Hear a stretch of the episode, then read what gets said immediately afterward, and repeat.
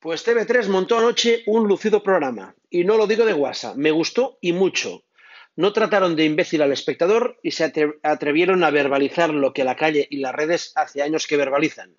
Entre otras cosas, Bartu dimisión. Cierto que de algunos de los más iracundos e indignados ayer, hace ya años que esperábamos algo más que rajar en privado y seguir la cuerda oficial en público.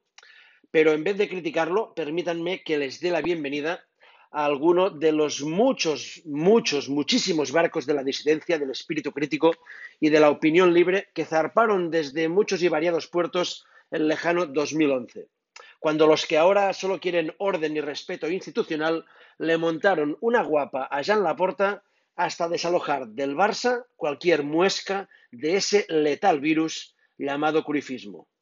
Al lío.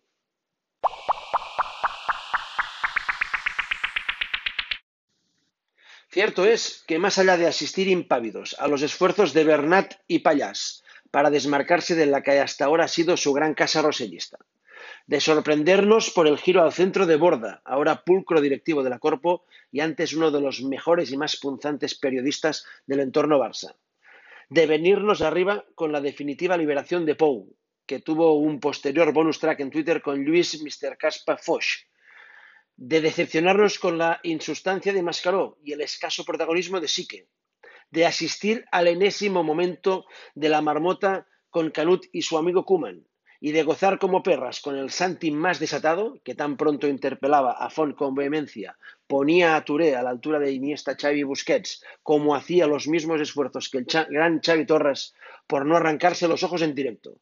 Tiempo habrá. Decía que más allá de todo esto, el programa de ayer sirvió básicamente para dos cosas. Una, para confirmar la parrilla de salida a la carrera electoral que empezará no se sabe cuándo, que la convocará no se sabe quién y que a la que concurrirán no se sabe cuántos. Y es que, seguro, ayer no estaban todos. De hecho, mientras en TV3 se celebraba el pseudo debate, Jordi Ferrer el anterior precandidato empeñado en volver a serlo enviaba a periodistas de todo pelaje del entorno Barça un PDF con su plan de choque anticrisis. Por otro lado, uno no se imagina unas elecciones al Barça sin Agustí Benedito, que sigue sin querer hacer declaraciones públicas al tiempo que se ofrece a rajar, como siempre, en privado. Aunque ya sabemos que la gran ausencia del programa tiene nombre y apellido y pedigrí, Jean Laporta. En una decisión eminentemente táctica, el expresidente renunció a acudir al programa pese a que en principio se había anunciado su presencia. Desde su entorno no aclaran por qué primero sí y después no, pero personalmente creo que hizo bien, tanto si quiere volver a presentarse como si no. Los que sí quieren que se presente son los socios y abonados, que le votan en masa en todas las encuestas que han ido apareciendo y en la que tres asistentes al programa de ayer no salen tan bien parados. Cabe recordar que Laporta ya iba destacadísimo en las elecciones de 2015, llegando en febrero a casi triplicar en intención de voto a Josep María Martomeu, que un triplete lo cambió todo y que todavía está esperando el apoyo público que le prometieron los miembros destacados de la plantilla de entonces, la mayoría de los cuales sigue en primera plana de la actualidad culé, cada uno desde su ámbito. Visto lo visto y vivido lo vivido, a uno no le extraña que Laporta tenga la intención o no de presentarse, vaya ahora con pies de plomo.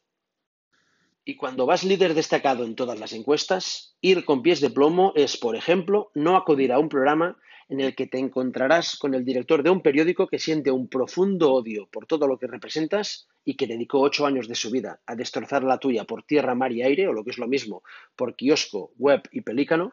Te encontrarás también con periodistas que ahora van de laportistas y te, te atizaron, pero bien, y también permitieron que te atizasen en una ignominiosa entrevista en las últimas elecciones y también con algún que otro que acudió como periodista, pero que te han asegurado que está trabajando en una candidatura que todavía no ha visto la luz.